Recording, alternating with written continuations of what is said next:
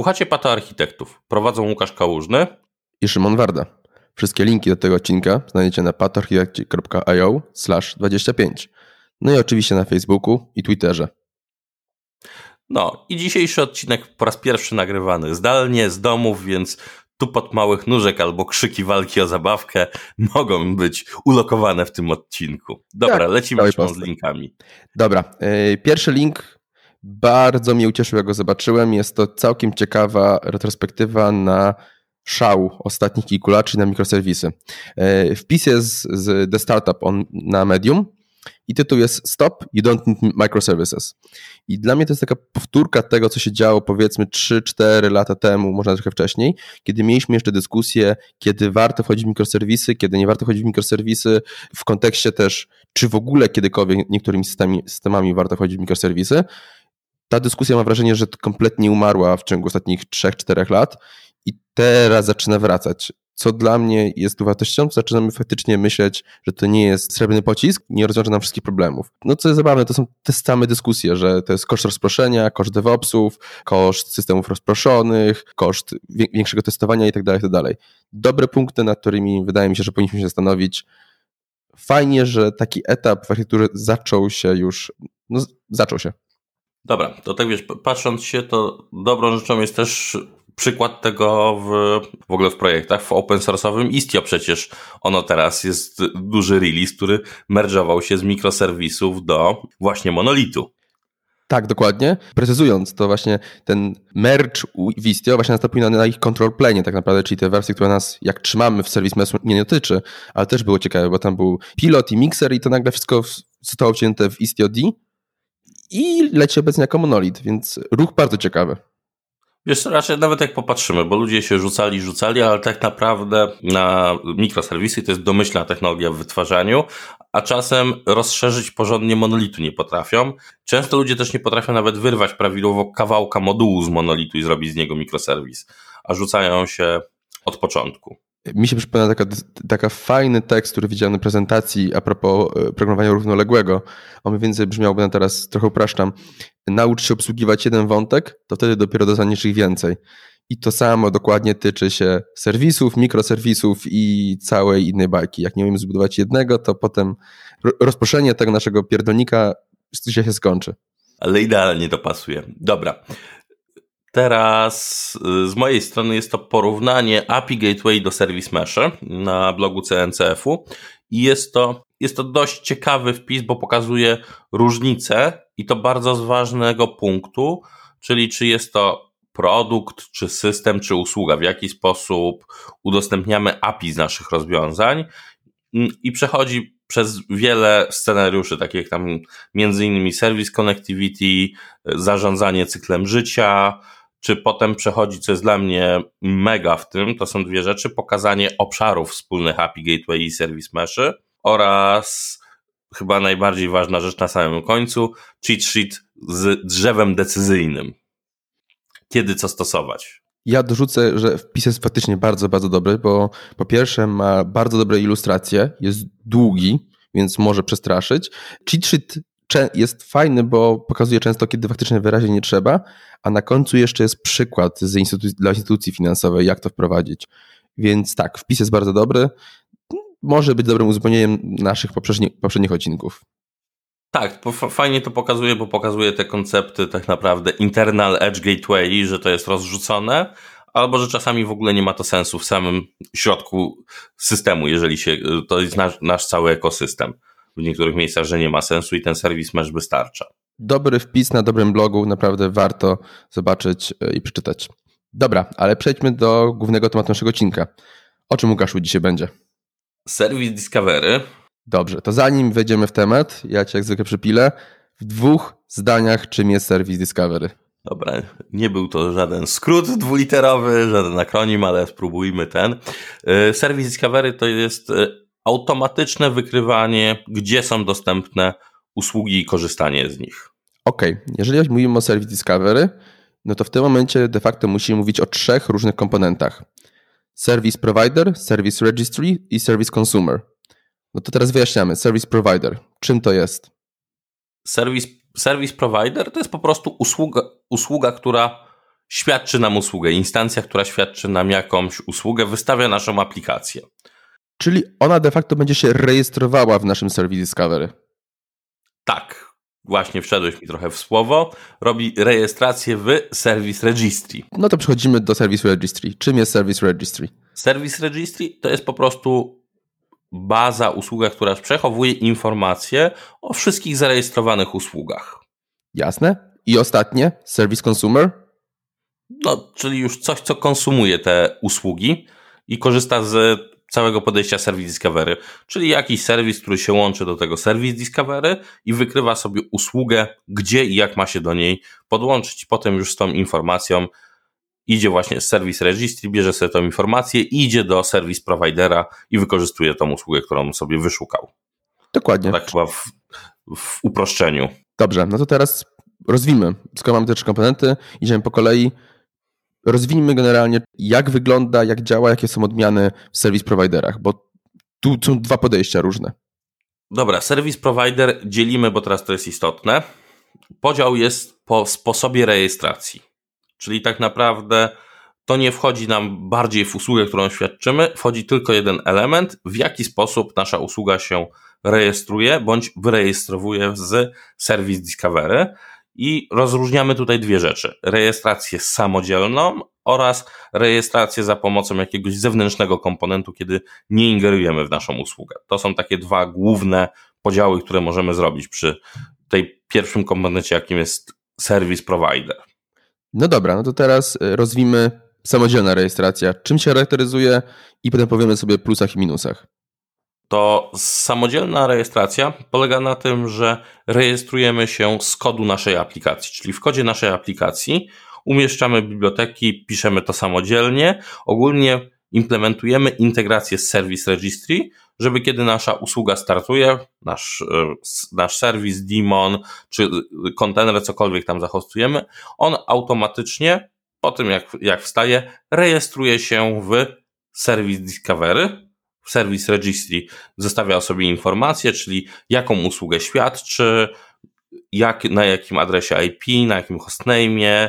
Najczęściej będzie to adres IP, na jakim porcie, ewentualnie może być tam jeszcze znaleźć na przykład informacja do kontraktu, inne albo inne rozszerzone dodatki, które jesteśmy w stanie wcisnąć i potem, kiedy ta, kiedy się usługa nam składa, wyłączamy ją, to powinna się z tego Discovery, Service Discovery, Service Registry wyrejestrować. I to jest takie główne założenie, czyli samodzielnie w środku implementujemy wysłanie informacji po starcie, gdzie my jesteśmy, gdzie ta usługa jest. Jasne. No i tu z samego opisu nam wynika kilka takich fajnych plusów, mianowicie, że jeżeli to robi aplikacja, to ma dostęp praktycznie do wszystkich metadanych, wszystkich opisów, które może potrzebować w runtime, więc ta rejestracja może być naprawdę bardzo bogata. Pamiętajmy, że często nie rejestrujemy się tylko pod nazwą, ale pod tagach i tak dalej, więc inne usługi mogą nas wyszukiwać po metadanych.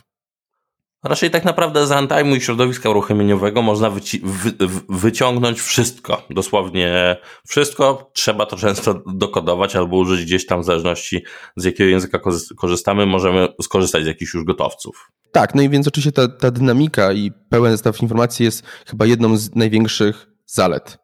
Wiesz co, ja bym jeszcze dodał jedną zaletę wcześniej. Dodatkowo usługa zna swoją logikę, czyli możemy określić, kiedy faktycznie powinna się zarejestrować i to bardzo nam łatwo w kodzie po wystartowaniu pozwolić się wystartować, rozgrzeć i dopiero zarejestrować. To jest jeszcze duży plus. Ale teraz przechodzimy do wad, bo jeżeli usługa wie, kiedy się zarejestrować, to się w pełni zgadzam, to usługa nie zawsze będzie miała czas na wyrejestrowanie się. I to jest problematyczne, że faktycznie jak zostanie ubita, no to w tym momencie e, Service Discovery będzie miało świadomość, że ona niby istnieje, ale faktycznie nie będzie, nie będzie istniała, to oczywiście się adresuje ten problem przez e, health checki, time to i heartbeaty, ale mimo wszystko to jest pewna wada tego podejścia.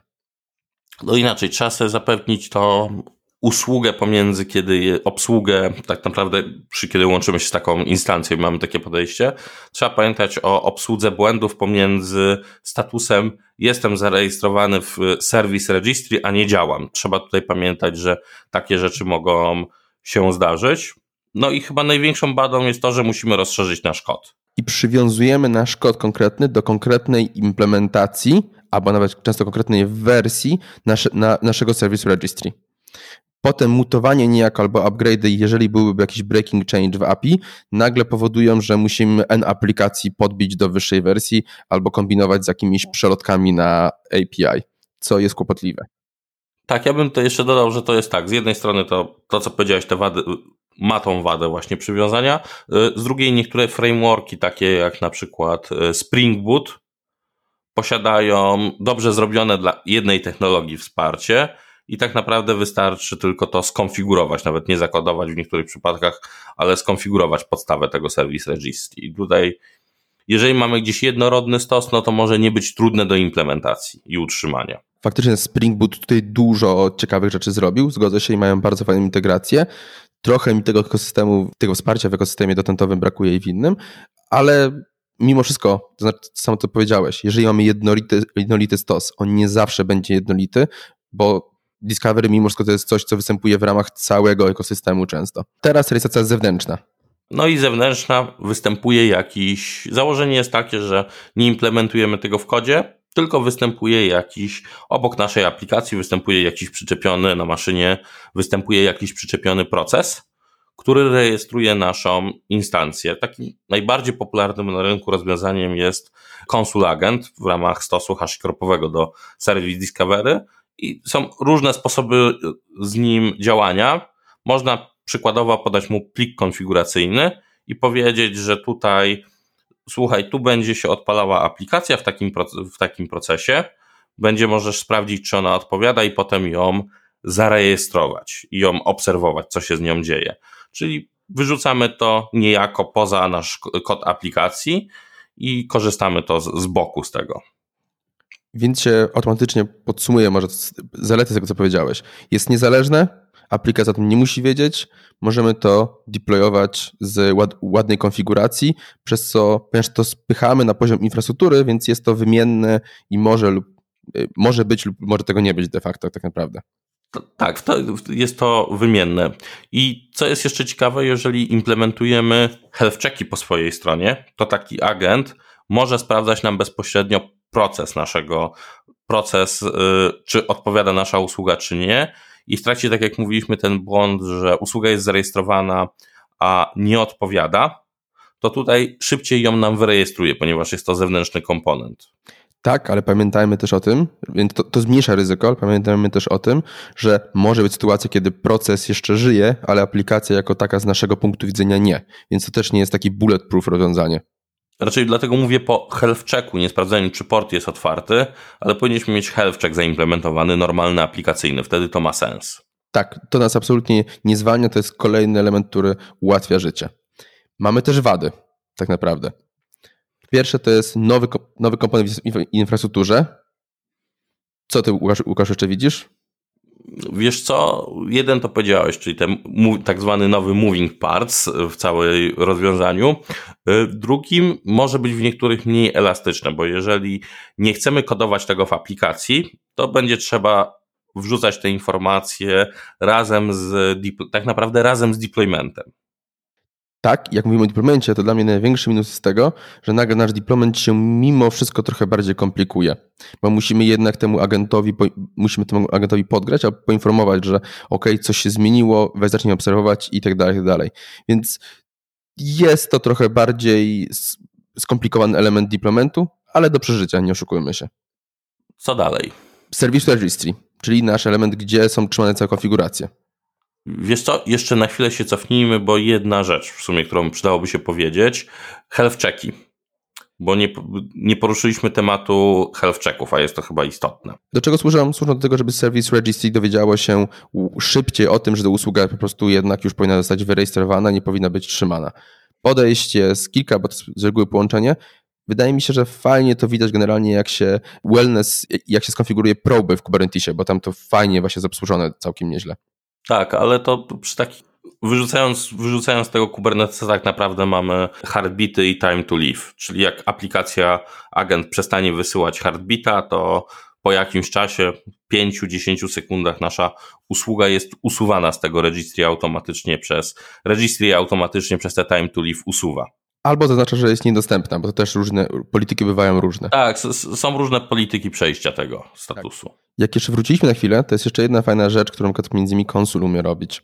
To jest ta opcja, że konsul może zwracać serwisy, naszą tablicę serwisów, które się zarejestrowały potem nazwą, tagiem, czy czymkolwiek, o co, po czym querujemy, w odpowiedniej kolejności, w zależności od tego właśnie zwrócenia odpowiedzi na time to leave, będzie nam, będzie nam zwracał serwisy, które są najmniej obciążone. Więc też takie nieco bardziej inteligentne zachowania możemy mieć wspierane w naszym, e, w naszym Service Registry. Idziemy teraz do Service Registry, Łukaszu?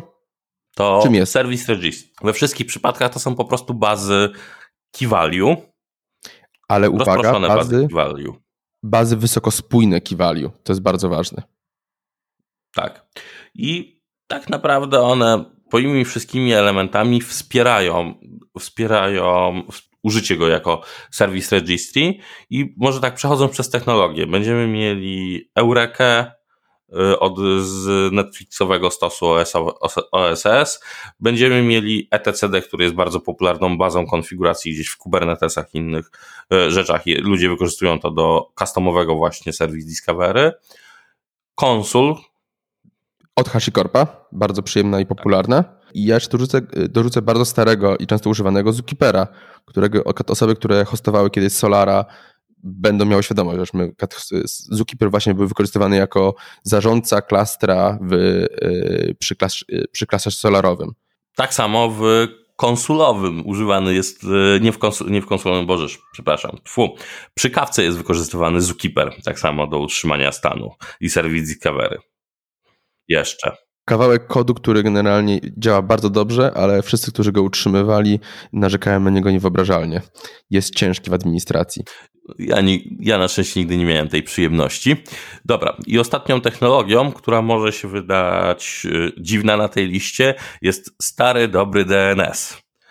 Bo y, DNS-y w postaci gdzieś gotowych usług cloudowych są też dobrym serwis Discovery. Najlepiej widać to na przykładzie chyba AWS-a i e, jak wygląda konfiguracja EC2, e, load balancerów AWS-owych w połączeniu z Route 53 który jest tą kobułą DNS-ową w AWS-ie i tam bardzo dobrze to widać, że również jest wykorzystywane jako takie pełnoprawne, działające serwis Discovery. Tak, z tą uwagą, że w tym momencie wchodzimy w to, jak system operacyjny podchodzi do DNS-ów. To się, to, to się trochę komplikuje, ale zgodzę się, że jest używany i jest używany coraz częściej. Jeszcze dodając do Service Registry, powiedzieliśmy, że to są bazy i dobrym przykładem tutaj, ja lubię konsula, bo on ma dla mnie jedną istotną zaletę, jest świadomy wielu data center. Jest bardzo fajną zabawką, faktycznie działa ładnie i pod każdym względem jako produkt HashiCorpa pokazuje klasę.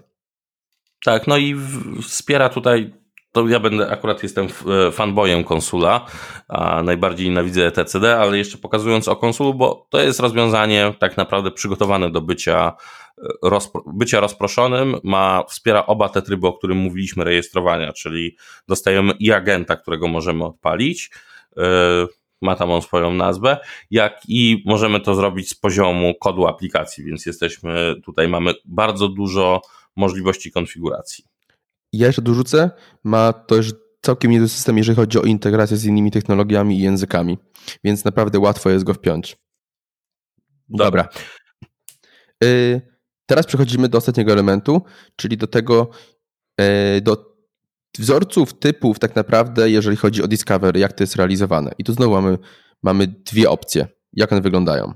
Mamy server side, czyli powiedzmy to jest strona serwerowa oraz client side, czyli strona klienta. Tak, czyli kto pyta się i kto pobiera konfigurację i jak ona jest pobierana. To idziemy w server side. Swoją drogą dla mnie to są dość nieintuicyjne nazwy, powinno to inaczej wyglądać, ale... To server side z założenia jest takie, że mamy jakiś komponent infrastrukturalny, który jest automatycznie konfigurowany. Będzie to jakiś load balancer, reverse proxy, API gateway, czyli są to usługi infrastrukturalne, które korzystają z tej wiedzy o tym, co jest u nas. Przykładowo, nasza nowa instancja rejestruje się jako kolejna piąta, rejestruje się w Service Registry i Load Balancer dostaje o tym informację i automatycznie dopina to do jakiejś, do puli, do świadczącej tą usługę, czyli automatyczne rozszerzanie, zmienianie. Innym podejściem może być reverse proxy, które jeżeli ma jakieś zapytanie, to wie do którego serwisu to potem skierować z puli. Potrafi na podstawie tego, co mamy zawartych informacji, skwerować serwis registry i odpowiednio przekierować. Czyli założenie jest takie, że automatycznie jest konfigurowana infrastruktura. Jasne. Ja najczęściej tą konfigurację widzę mimo wszystko na poziomie API Gatewaya, że po prostu mamy, mamy gatewaya, do którego, do którego w formie konfiguracji mówimy, OK, nie będziemy podawali konfiguracji w formie JSON-a czy jakiegoś pliku, tylko mówimy, że to jest nasz service registry, z niego pobieraj i takie, takie tagi, takie name mapuj na, na taki downstream, na, na y, taki upstream mapuj mm, i to po prostu się samo odkrywa i dość fajnie działa. Przykładem dość fajnym do wykorzystania w środowisku dotentowym jest między innymi Ocelot, który umie się i z Eureką komunikować, i umie się z konsulem i działa całkiem przyjemnie. Dobra, i ja, jak podałeś przykład, to drugim dobrym przykładem jest Kubernetes, które właśnie całe serwis Discovery jest oparte o wzorzec server-side. Oczywiście, że tak. I, i na poziomie DNS-ów. Dokładnie. Dobra, to co, zalety? Pierwsze, mega proste. Zdecydowanie. E, klient się tym nie musi martwić. Zgadzasz się chyba. Tak, to, tak, prosty kod kliencki to jest to. To, co powiedzieliśmy, trochę chmura, Kubernetesy wspierają to takie podejście na dzień dobry. Opierają się na nazwach, tylko jest potem, może z mojej perspektywy zawsze będzie duży problem, bo konfiguracja do jakiego load balancera, do jakiego API gateway i inne rzeczy musi być zaszyta w tym kodzie, który się komunikuje raczej w kodzie, w konfiguracji e, instancji, która ma skorzystać, wykorzystać potem te komponenty serwerowe i znaleźć ten load balancer, reverse proxy czy tego gatewaya. Tak.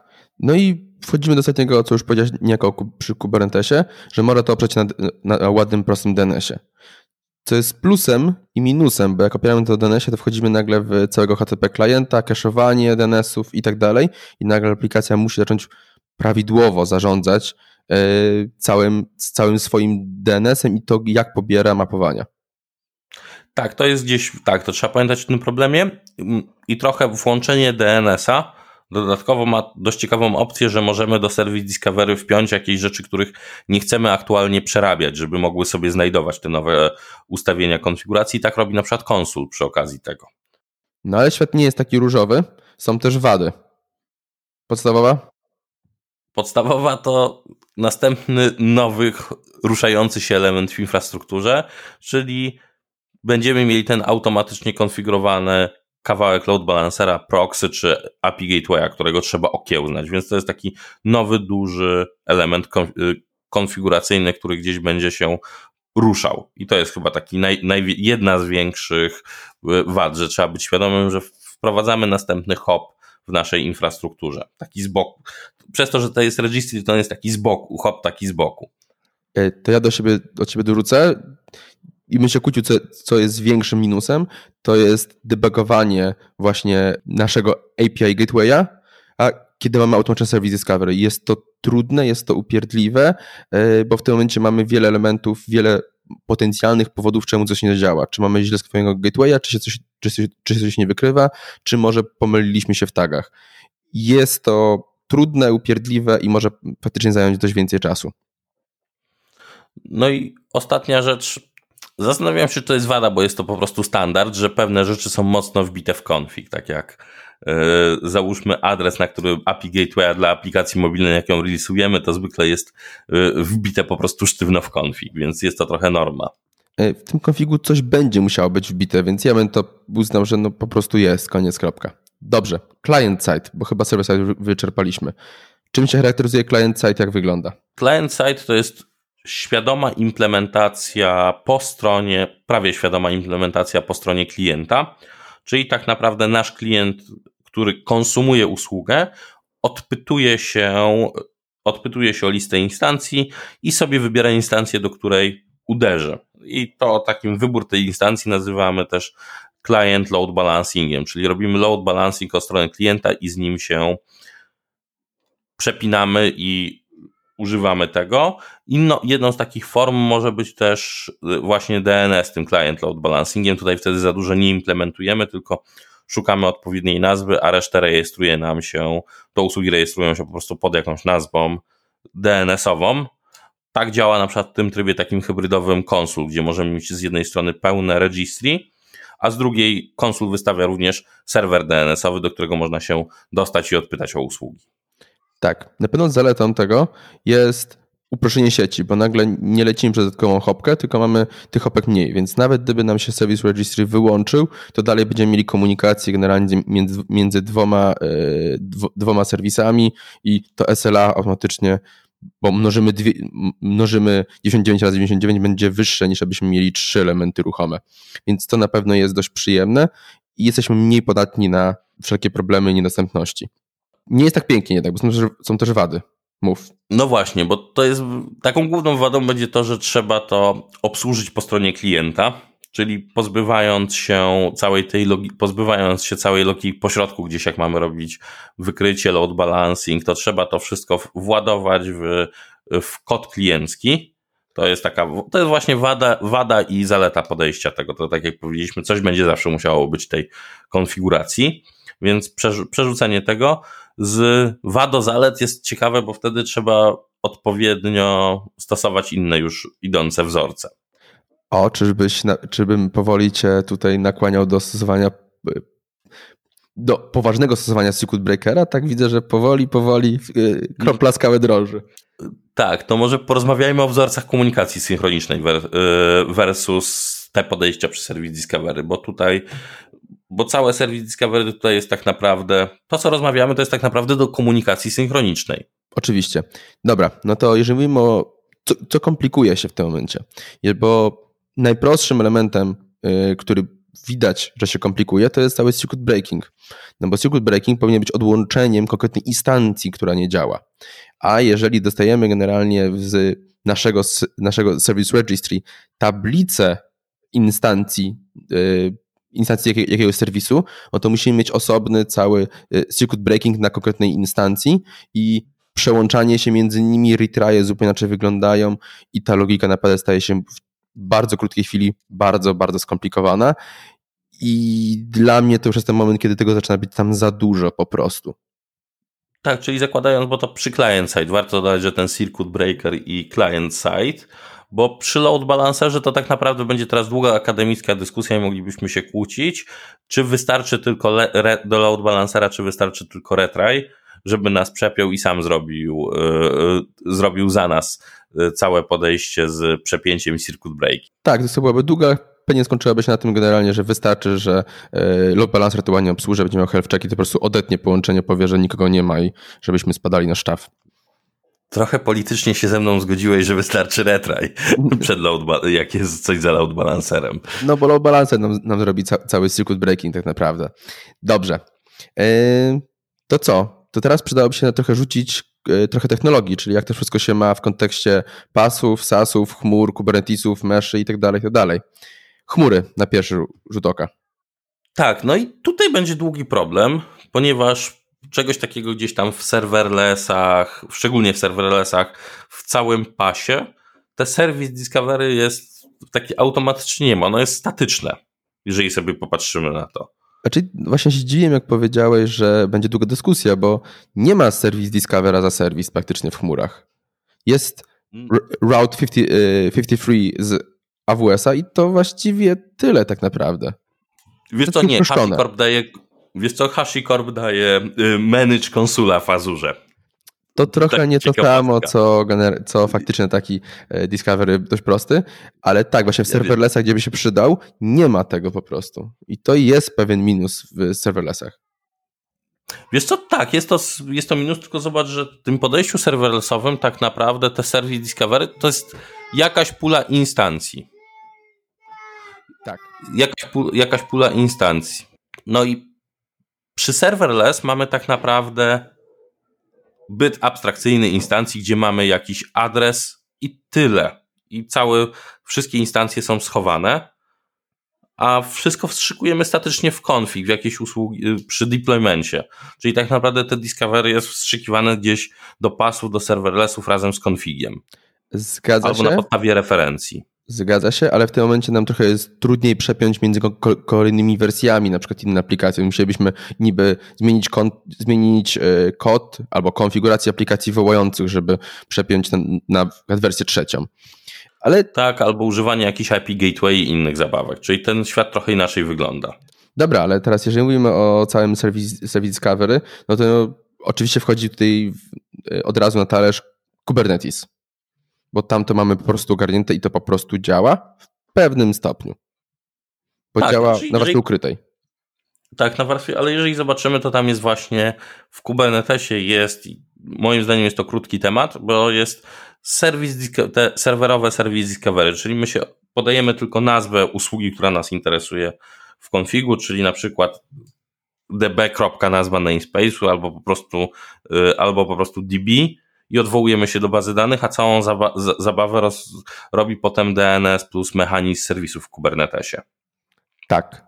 No i dalej wchodzimy w całe serwis mesze, które już robią trochę ciekawiej, bo na idąc przykładem Istio, ma, mamy cały virtual service, który umożliwia nam całkiem ciekawe rutowanie nie, między, między instancjami i korzystając właśnie z, takie, z takiego Discovery, z, po, z poziomu control plane'a możemy robić mega ciekawe rzeczy i tu naprawdę zaczyna mieć to sens tak naprawdę. Mimo, że aplikacja nie wie o tym, są to po prostu fajnie zrobione.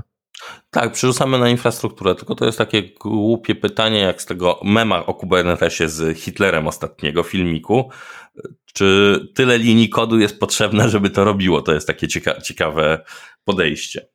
A tu już jakieś rozmawialiśmy, to... że to jest de facto, jak potrzebujemy zrobić to tu i teraz, to pewnie będzie szybciej zrobić to w naszym serwis meshu, ale docelowo powinniśmy to zmigrować tak naprawdę do aplikacji, żeby aplikacja była trochę bardziej świadoma i żeby to było tak. Jest, tak, no i te serwis mesze, kurde, brakuje mi takiego w nich, jeżeli to patrzymy versus serwis Discovery, to takie czyste serwis Discovery ma taką dla mnie jedną dużą zaletę, że może być wyciągnięty, ten Kubernetes może być wyciągnięty na bok, i może być, jeżeli mamy jakiś legacy application, ogólnie mamy usługi poza nim w ramach naszej infrastruktury, to możemy to ze sobą pointegrować połączyć, połączyć te sznurki. Jak mamy takie Istio, no to sorry, aktualnie można powiedzieć, że ograniczamy to do, w bezczelny sposób, że do klastra bądź wielu klastrów, kiedy już świadomie zarządzimy konfiguracją.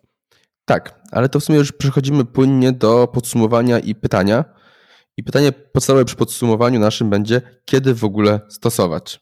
I tu mieliśmy dość długą dyskusję przed nagraniem e, i się jednak różnimy. Twoje zdanie, kiedy stosować?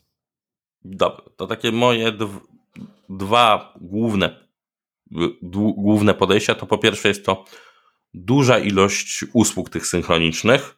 Gdzieś duża akurat doszliśmy razem, że to jest gdzieś 50, y, można powiedzieć, że 40-50 usług, które są w miarę zasilosowane, niezależnie rozbijane przez ileś tam zespołów. Zgadza się, oczywiście szacowanie eksperckie, jak to czasami bywa. Tak, patrząc z, z doświadczenia kiedyś robi większy pierdolnik, o tak. No i druga rzecz, której się, tu już się chyba bardzo mocno nie zgadzamy, to jest w zależności od tego, jak podejdziemy do klastrów kubernetesowych, jeżeli zaczynamy wprowadzać trochę niezależności Mutable Infrastructure, no to wtedy zewnętrzne serwis Discovery może się dość istotnie przydać.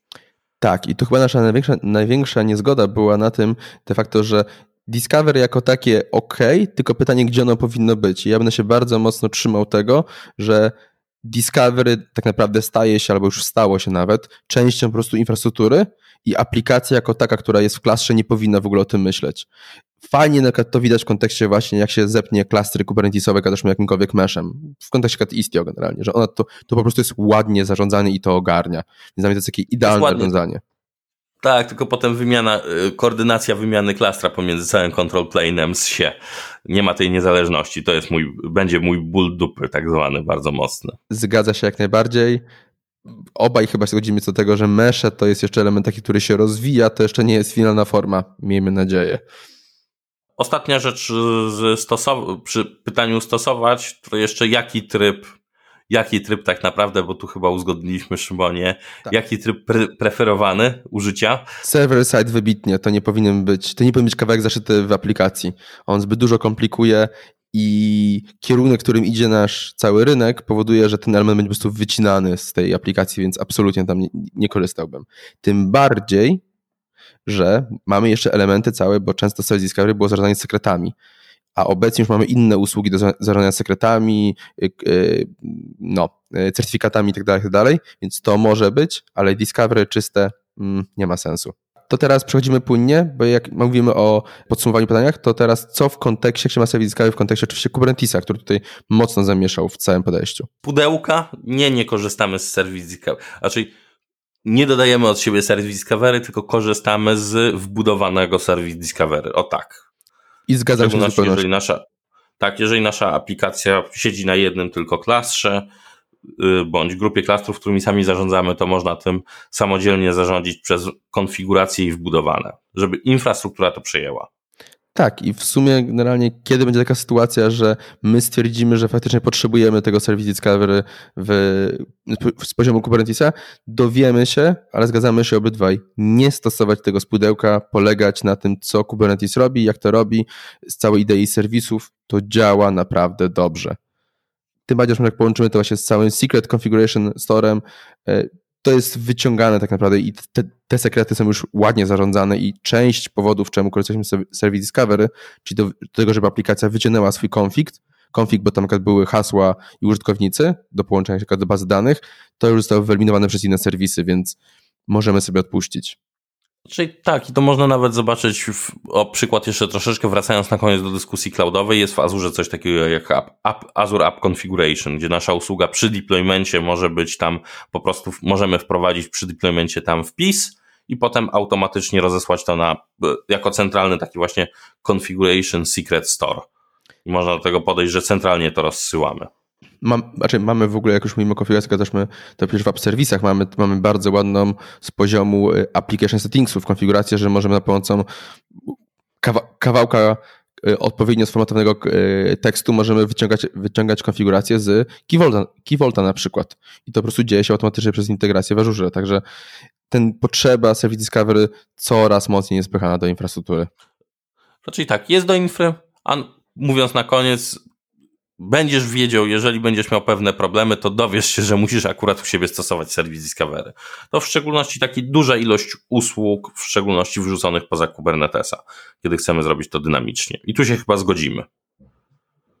No, Częściowo. po części z gwiazdką. Część, tak. Po część z gwiazdką. Dobra, to co, kończymy? Kończymy. Trzymajcie się. Na razie. Na razie.